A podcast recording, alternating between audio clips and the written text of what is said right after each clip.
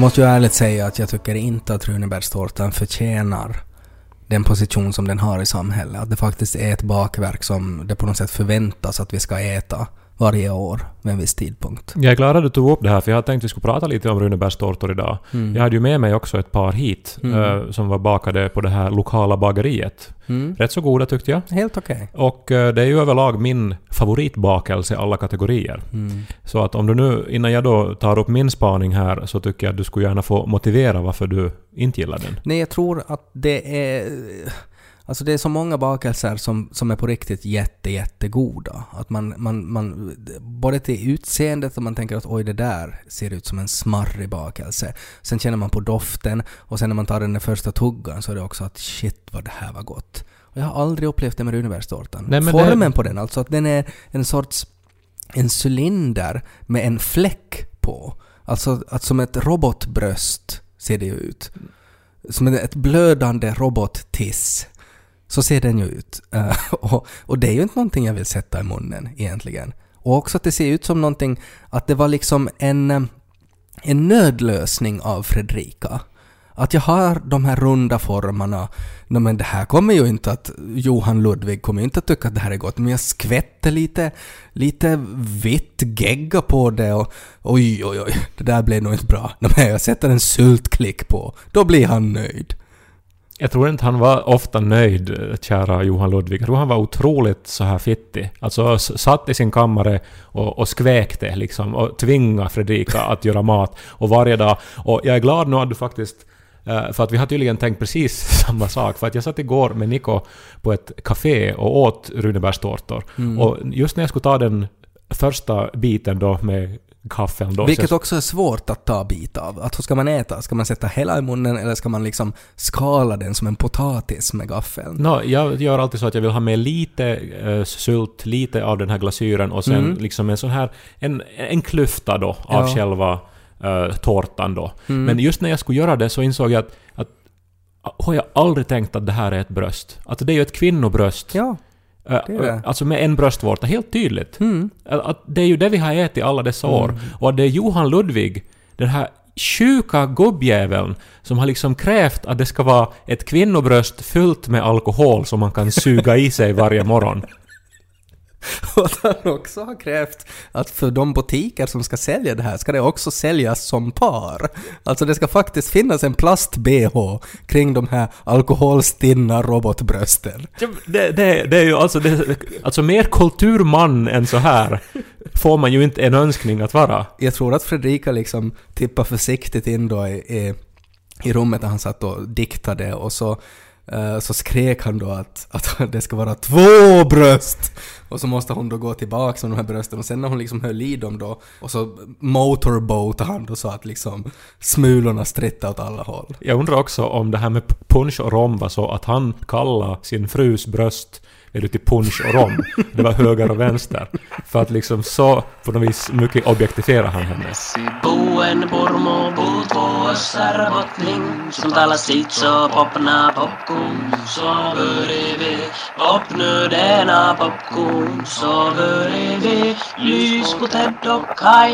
Ändå är jag liksom nu glad att det nu då officiellt finns någonting eh, som gillas mer än uh, humorgruppen Kai. Alltså som ju hittills har varit det objektivt mest gillade, minst kritiserade som finns.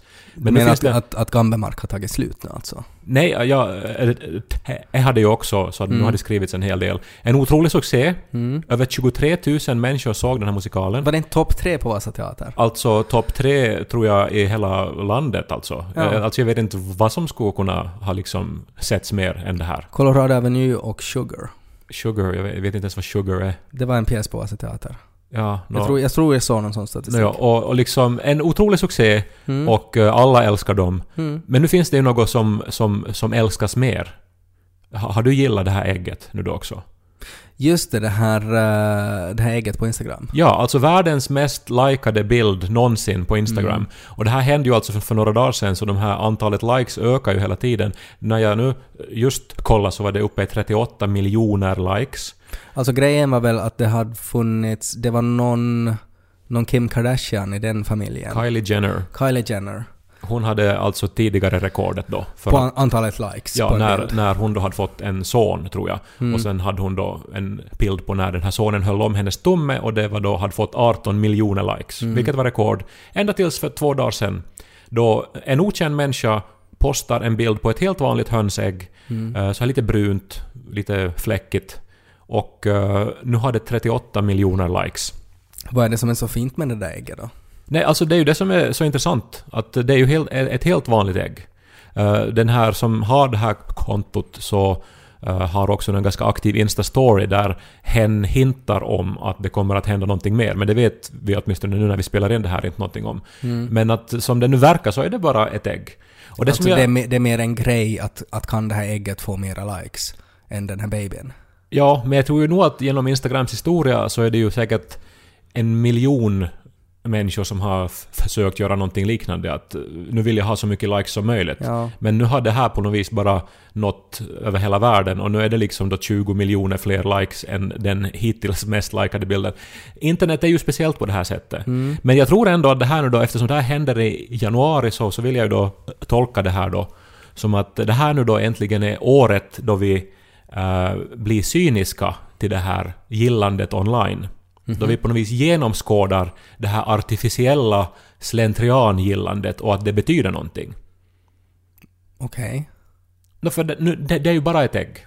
Ja, men, men om grejen är att det är bara ett ägg, är det inte kanske... Alltså för jag skulle genast tolka det som att, att det här är en del av just det här som du sa. Alltså att vi ska visa hur idiotiskt det är att en i Kardashian-familjen har mest likes genom att nu likar vi ett hönsägg. Nej men nu är det ju nu finare ändå att någon likar en bild på ett nyfött barn.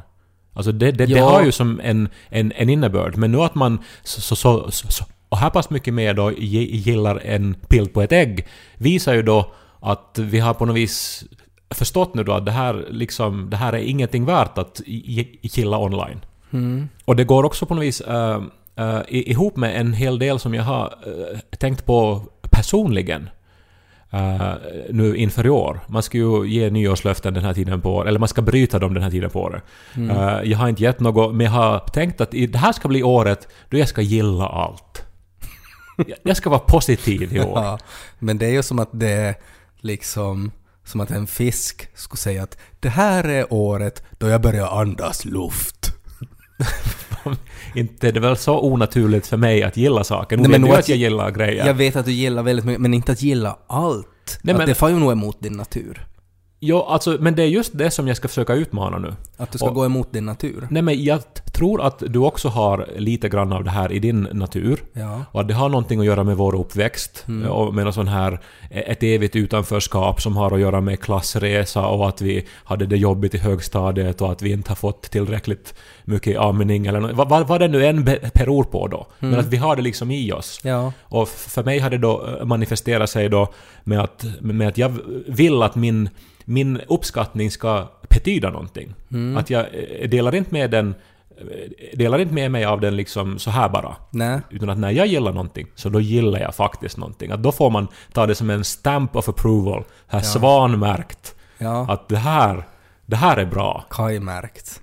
Men så, så har det alltså varit och det, det är det här du vill öppna upp nu då? Att det ska vara lättare att få den här stämpeln? Är det så att nu ska du gilla allt? Ja, no, alltså, men också att det inte ska vara vet du, ett slentriangillande som då på Instagram, utan det ska vara verkligen att jag ska arbeta på att se att yes, vad bra att det här gjordes och vad fint att det här hände Så allt som, upps- det här finns. allt som uppskattas av någon annan så ska du anstränga dig i att, att också hitta vad du uppskattar i det. No, no, alltså jag ska som försöka leva mig in i den här situationen. För att om någon har lagt tid på någonting så då, då, då måste det ju ändå upplevas som viktigt för den människan.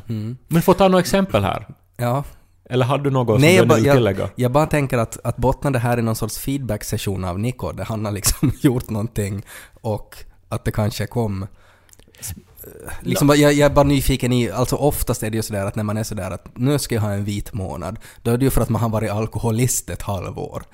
Och jag är ju bara nyfiken i vad som har hänt, liksom att vad föranleder det här beteendet. Nej, men det är någonting som jag har tänkt på ett tag att varför är jag så sällan liksom ivrig över någonting som jag liksom eh, tar del av, eller som andra gör. Eller som... Men det är ju för att det är så dåligt. Har Ja. du aldrig tänkt på det då? Ja, men, men är det faktiskt så, eller finns felet i mig? Ja. Liksom, en, en, en, en inställningssak liksom. Och eh, jag läste till exempelvis då om en, eh, en namibiansk konstnär som heter Max Sidentopf. Okej. Vilket är ett fint namn. Ja. Som jag kan gilla utan att måste anstränga mig. Ja. Max Sidentopf. Ja, alltså det där topf eh, blir på något sätt fint. Ja, no, men han har nu då gjort ett konstverk. Eh, han, han har uh, ute i den namibiska öknen har han ställt upp eh, sex stycken högtalare som drivs med solenergi och eh, lagt upp då en sorts musikspelare som då på repeat spelar låten Africa av Toto. Okej. Så att nu i en öken i Afrika så spelas, då, spelas låten Africa dygnet runt på repeat. Och det här då på en okänd plats så att ingen ska då kunna få dit och förstöra det då. Nej. Men det är ju otroligt skit. Alltså det är ju värdelös konst. Alltså min magreaktion är ju att va, det här är som det värsta så, alltså det, det här betyder ingenting. Nej. Det här är totalt slöseri med allihopas tid.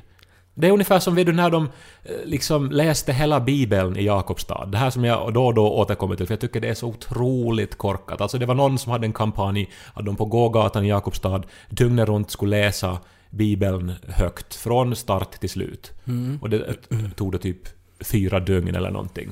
Och så var det gjort. Och fick hela Jakobstad frälst. Det, är, alltså, det, det är så otroligt onödigt och så otroligt... Alltså, de har någon idé om att det här ska nu då ha någon sorts effekt eller säga någonting och det här ska vara viktigt. Men det är ju bara skit. Det är helt onödigt. Precis som den här installationen i Afrika. Men nu ska du, nu, den här nya Kaine då, så ska alltid hitta någonting som han gillar. Ja, nu alltså nu ser jag det då som att... att men vilken rolig idé! Och liksom tänk att nu just någonstans där ingen hörde så spelas den här låten. Hör ju, av Toto. Och att det är ju kiva. Och så ska jag le och Ja. tänker att vad fint, alltså för att istället för att inte göra någonting så har den här Max Sidentopf gjort det här. men det här är ohållbart. Så där kommer du, det, det där kommer du inte att klara av. Och så har jag tänkt på det här, för att nu har det ju varit så här omväxlande plusgrader och minusgrader. Eh, och eh, då när man är ute och går så stiger man ju då eh, i den här hundskiten, om inte man aktar sig. Ja. Den är ju överallt. Mm. Otroligt äckligt. Ja. Jag förstår inte de här hundägarna som vågar låta bli att städa efter sig. Nej. Jag brukar ge påsar åt dem om jag har med mig extra. Och se det. Så, så att här, du har säkert glömt din hemma. Ja, och jag kan som inte tro att det är någon som täcks idag, speciellt inte i en stad där man hela tiden har ögonen på sig. Men uppenbarligen är det De många nog. som täcks. Mm. Och så var det ju den här di- diskussionen på nyår då, att ska vi förbjuda fyrverkerier helt och hållet nu då? Mm. För att min hund blir nog så ledsen. Mm. Och då är jag bara så här att, nej men, när ska vi sluta med den här galenskapen? Ja. De här jävla hundarna. Du har ju ofta varit arg på hundägare. Ja, men n- nog har man ju lite fel i huvudet om man har hund. Alltså på, på riktigt, om man frivilligt tar på sig det här. Och det allra värsta är ju de här, vet du, som låter hunden slicka sig i Nu fejset. upplever jag att jag är lite i din situation, att nu måste jag anstränga mig att hitta någonting som jag kan gilla i den här åsikten hos Kai Korkeaho. Och jag klarar inte av det, kan jag säga direkt. Ja, men det här är ju den gamla Kai, måste vi minnas nu då. Just det. Alltså innan jag nu Vad då... tycker nya Kai då? Alltså innan jag- vi får arga mail. Den nya Kai tycker ju att, men klart att vi inte ska liksom eh, låta de här hundarna lida. Att det går lika bra med lasrar. Vi måste inte ha kul.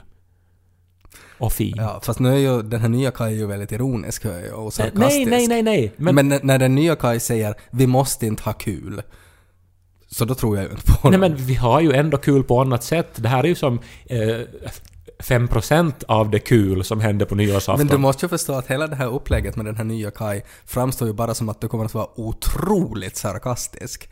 Liksom, hela det här konceptet, nu ska jag börja gilla allt. Mm, precis allting kommer jag att börja gilla. Nej, nej, men det är som när min uh, barndomsvän Daniel, som hade R-fel under hela lågstadiet, eh, sen plötsligt då lärde sig att säga R. Och det här eh, hände under kanske, alltså det tog två månader tror jag, och under den tiden, den här övergångstiden, så lät det jättemärkligt och ansträngt när han pratade, innan han blev van med att prata på ett nytt sätt. För det var ansträngt för honom säkert. Men sen eh, efter två månader så då sa han R och han, än idag säger han R. Och, så, och Så, låter det, som så vanligt. den här sarkasmen som jag hör är bara liksom du som försöker tänka på ett sätt som du är ovan att göra? Ja. Det låter som sarkasm under en övergångstid kanske. just det. Men sen kommer jag faktiskt att tycka om att stiga i den här hundskiten. Okej. Och så var vi i Lappland nu då. Vi var och firade eh, Nikos farbror Mm. eh, som fyllde 50 år. Det var en jättefin fest. Ja. Eh, häftiga gäster. ja, det var mycket på den Insta story som hände. Jag satt vid samma bord som en Formel 2 världsmästare. Vet du att det är alltså bränslet som de använder? Ja, men det här är också alltså för att det är båtar. Eh, Alltså det är liksom båtracing det handlar. Okej. om. Och då är det Eh, Formel 2? Ja, F2? Men jag har ju varit, för, att jag har varit en, en hel del i Lappland för att Niko studerade där för några Mm. år sedan. Och eh, det är ju så mycket med Lappland som är uh, kretsar kring turism. Mm. Och så brändar man ju allting då. Det är ju överallt är det ju norrsken och så är det husky sleds och så är det reindeer. Har de ännu använt i, i någon form liksom att det här att norrskenet kan bedra? Det, kanske man inte har gjort men Ja. nu, nu, som vanligt så får man idéer från Tedokaj på den här. Det här Mm. kan ni använda. På svenska sidan kanske? Ja, jag vet inte om det funkar på finska då att revontulet voivat pettää. Jag tycker det funkar. Som en liten varning. Men eh, det som jag skulle säga att det går ju för långt det här. För att de, Norrskenet? Ja, det också för de Att det får för in det, de får in det överallt. Och liksom överallt i gatubilden så är det liksom Auroras here and uh, ride on a reindeer to see the Auroras. Mm. Och liksom... eh, Ja, alltså det är ju gjort för eh, turister. Inte det är ju som många som är från Kittilä, tror jag, som hela tiden är ute på en ren och rider och letar efter Auroras. Mm. Nåja, men i alla fall så hade den här arenan vi var på, hade sloganen då Porobly the best arena in Levi. Mm. Det är ju kul. det är det ju. Det är ju skit. Och att man också ska få in liksom ordet aren ja, där. Så tycker jag att det, det, då skulle det nog vara porr bli ännu bättre. Det, är ju, det betyder ju ingenting. Nej men det är lite kul. Nej, men De har det är ju in, De har kul. fått in ordet porro, alltså som är vet jag- finska för ren. Ja, men inte vet ju en engelsktalande att det är finska för er. Nej, men finnarna vet jag. De finnar som kan engelska. Ja. Och det är ju inte heller allihopa nödvändigtvis. men varannan kanske. De svenska turisterna kan inte ha någon aning om vad det betyder. Nej, de, men De det, tyska turisterna har ingen aning om vad det betyder. Nej. Det är ju en, en, en fullständigt absurd idé Mm. att ha Porobly the best arena. Ja, Och det är ju inte roligt heller. alltså med tanke på det där att, att, att man sätter in en, ett finskt ord i en engelsk ordvits. Så där är ju logikfel. Ja, och jag har hatat det här under alla år jag har åkt till Lappland, för det finns hundratals exempel på det här. Och det Mm. här, det här var nog kanske bara det mest vulgära jag någonsin har stött Men på. det är väl, alltså orsaken är väl just att om det finns hundra exempel av det här så då måste man ju bli kreativ hur man använder det. Och att när de har använt då alla norrskenet kan bedra och alla möjliga ordvitsar som finns så då blir det ju sådär. Man vattnar ju ut ordvitsen till sist. Ja, men ordvitsar. Jag hatar, hatar ordvitsar så I mycket. marknadsföringssyfte så har de nog, tycker jag, fortfarande en plats. Billigaste sortens humor. Gubbig, tråkig, förutsägbar, krystad. Har jag tyckt. Men inte längre. Nej. Den nya Kai uh, uppskattar ordvitsar och Mm. att någon försöker göra det lustigt. Ja. Så oberoende på det sätt man gör, eh, oberoende av Ja. sättet, så älskar jag det. Ja. Lite sarkastiskt nog än. Kai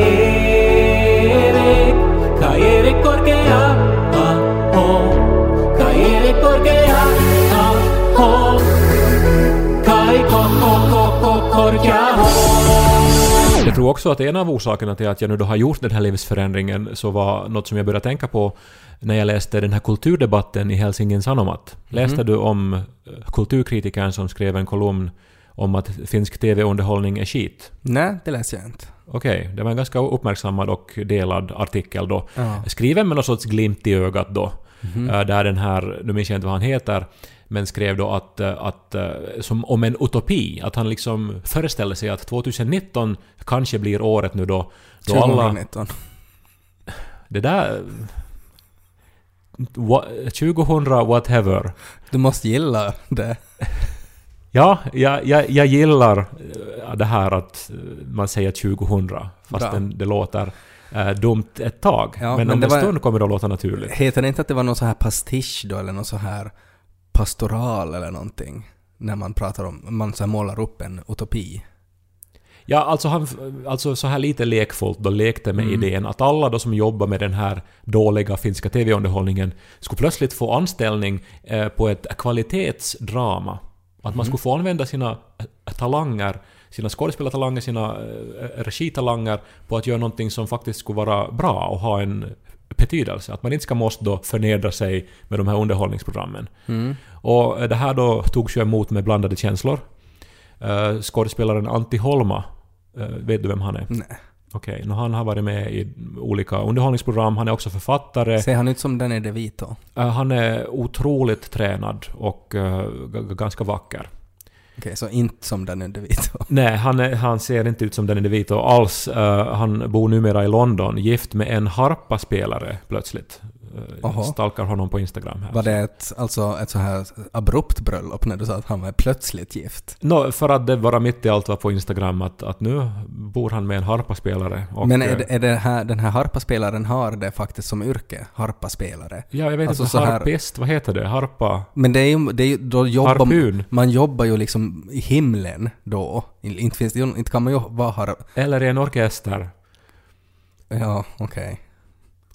Kanske han, det är en ängel. Han ser lite ut som en ängel, den Ja. här harpaspelaren. Mm. Men i alla fall, så han skrev en ganska rolig eh, kolumn om det här då att eh, liksom gjorde, vet du, en motsvarande sak. Att, Mm. att, att nu ser han då att eh, 2019 är året då kulturkritiker då inser att de inte måste skriva om finsk TV-underhållning utan kan skriva om helt vettiga saker Ja. som händer ute i Det världen. var ju kul. Men då var det någon så här pastoral säkert. Det där. Pastoral. Nej, jag vet inte. Jag, kommer, jag vet inte vad det heter. Ha, har det inte så här... Alltså kåseri. Nej, men det finns ju så här... När någonting är så här sarkastiskt och på ett så här visst sätt skrivet så heter det någonting. Paskill kanske det heter. Ja, som Jörn Donners nya bok. Ja, en sån. En, Mm. en smedeskrift. Det var Men det jag menade. Ja, det är inte riktigt samma sak heller. Nähä. Men, men, men att eh, det som han då också... Får jag bara avbryta nu? Vad är en pastoral då?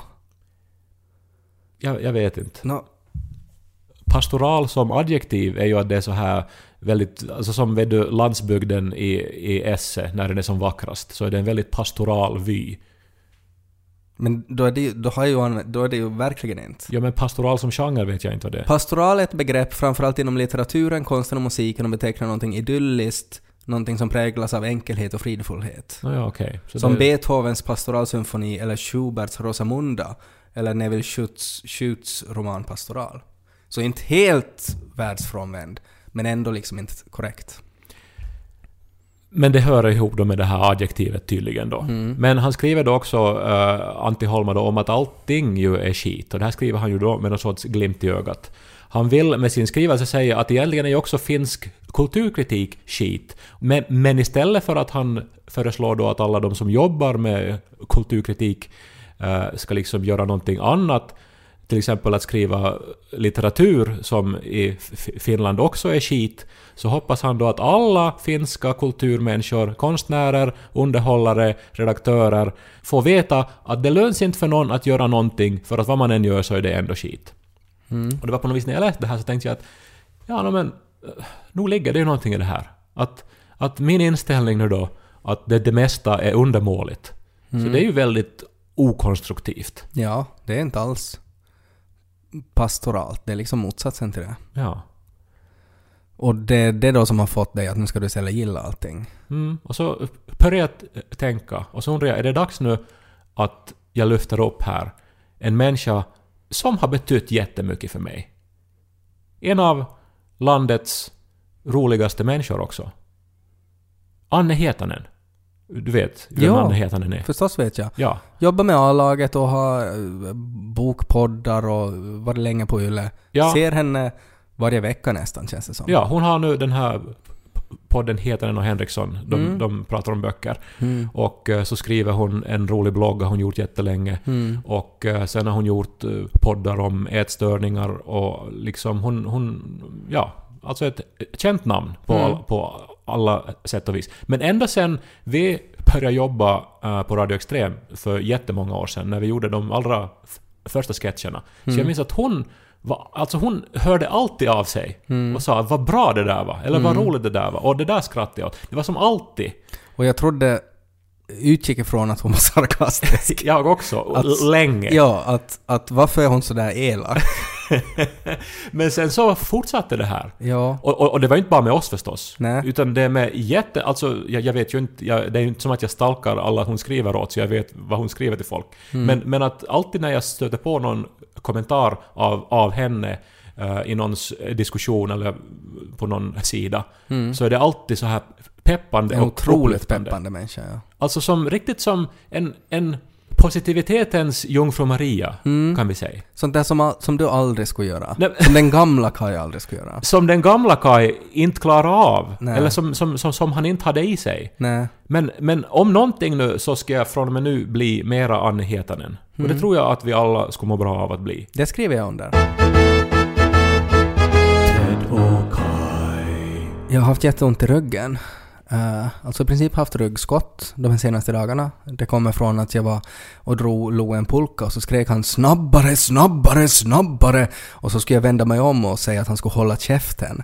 Eh, och så när jag gjorde det så liksom så, så var det någonting som blixtrade till i korsryggen.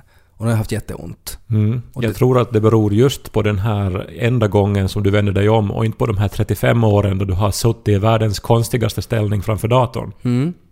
Alltså när du mera... Alltså, alltså du, du ligger ju lika mycket som du sitter. Men vad har hänt nu med den här nya Kaj nu då? Nej, men det här var ju, hade ju ingenting att göra med positivitet. Det här hade ju att göra med att jag påtalar fakta här.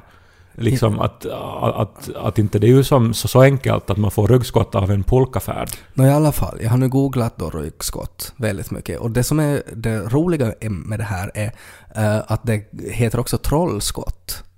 Kan man Oj, säga. Aldrig hört. Och på finska så heter det alltså noidan nuoli, alltså häxpil. Kan du säga det där ordet igen? Noidan nuoli, Mm. ja. Och... eh, Jag skulle klippa ut speciellt den här diftongen i Nuoli och lyssna på den om och om igen. Ja, det kan du göra om du vill. Men eh, det som är kul är att alltså, det här används faktiskt. Alltså att om jag skulle gå till en läkare, till en finsk läkare nu, så skulle han kunna liksom ge mig diagnosen noidan nuoli.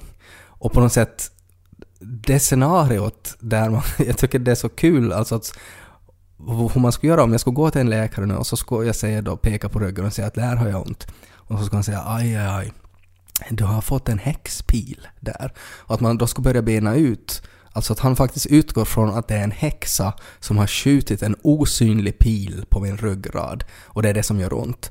Och att, och att när man så här funderar en så här plan, att så ska jag bli bättre med det här och så skulle han då konstatera att ja, det finns ju ingen medicin som hjälper, alltså kanske någon form av örter eller någonting. Men att, att det som du måste utgå, börja tänka på är ju att vad har du gjort mot den här häxan? Liksom att har du många fiender?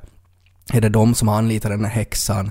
Uh, och, och, och sådär att, att, att förstås att om du tar livet av häxan så då försvinner ju smärtan, att det är hon som upprätthåller den.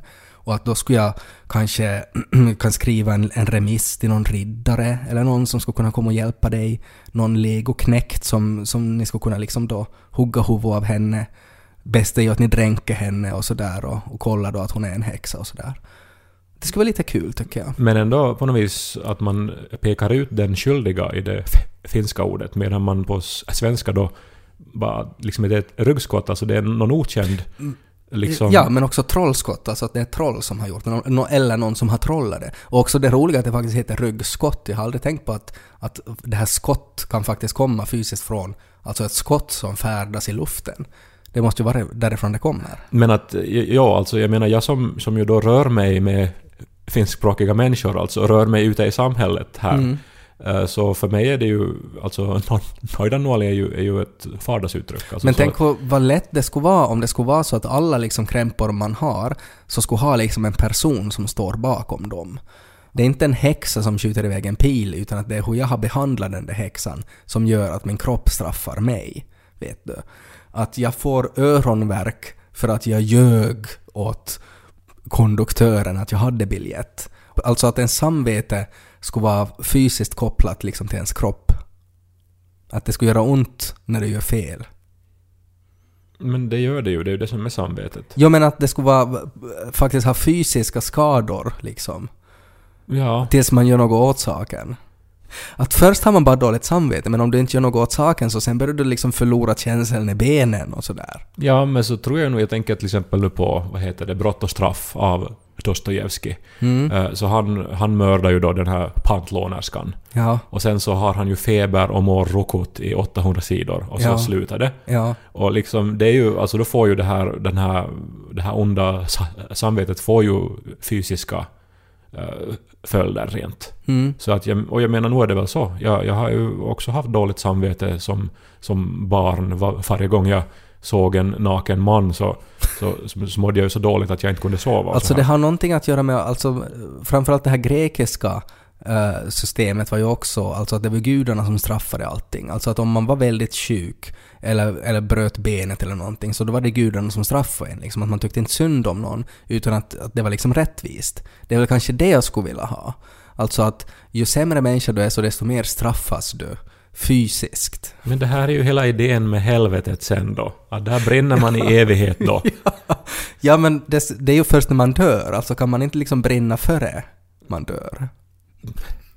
Nå, vi, det, det, det, nu pratas ju mycket om att uppdatera straffskalan på en massa olika brott. Så jag Ja. menar, vadå? Man inför någon sorts corporal punishment här nu då igen. Kan man inte, kanske det finns någon knapp i hjärnan där man trycker på en punkt och så upplever man att man är i helvete hela tiden. Du bara går omkring och skriker. Nå, men så nu straffas du då för alla dessa år när du har legat framför datorn. Nej men jag, straffa, slösat jag ditt straffas ju av... Det är ju gudarna eller en häxa som straffar mig för att jag ska skrika åt Lo att han måste vara tyst när vi åker polka. Ja, eller för alla de här timmarna av Battlestar Galactica du har sett framför datorn.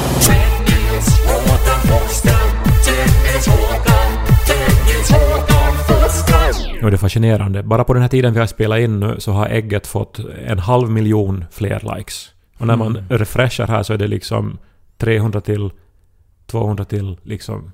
Hmm. Att just nu så är, så är det så många människor som stirrar på precis samma bild och är med på precis samma jotto här. Och tänk vilken makt den här människan som har det här kontot nu. Alltså att när hen då sätter en ny bild så kan det då vara reklam för den produkt som den firman som har kontaktat honom och betalat honom mest för. Men det cyniska är ju att nu finns det official merchandise här. Ja, ja, förstås. Mm.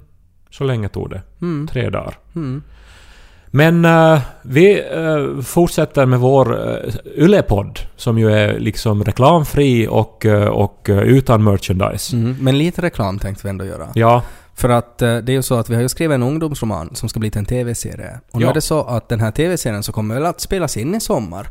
Eh, och då ska man behöva några barn eller ungdomar till den. Alltså så att om du är mellan 12 och 16 så då kan du uh, få på casting och se om du skulle vara med i den här serien. ja. Eh, Och det är en rolig serie det en, det här. en rolig serie. eh, och det kommer att vara tillfällen i typ Borgå, Vasa, Helsingfors. All information finns på www.viralagenier.fi. Viralagenier.fi Mm. Och det är då framförallt 12 till 16-åringar som eftersöks. Och man måste inte ha någon tidigare erfarenhet. Och eh, alla som är intresserade tycker vi ska eh, gå in på den här hemsidan Mm. och ta reda på hur man får på audition. Får jag göra ännu mer reklam? Nå, det beror på vad. Nej, jag tänkte det här att uh, Yle Extrem, där ju jag jobbar som producent, eh, så har nu öppet sök till sommarjobbare. Jaha. Ja. Får jag göra reklam för det?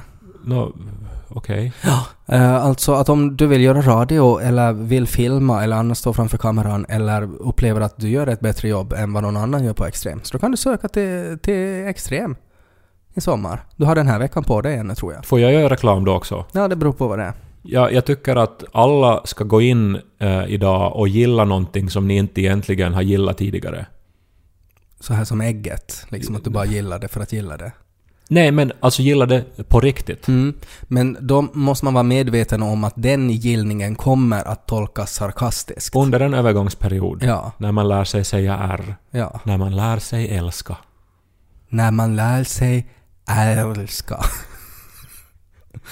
Vi kan klippa bort det där.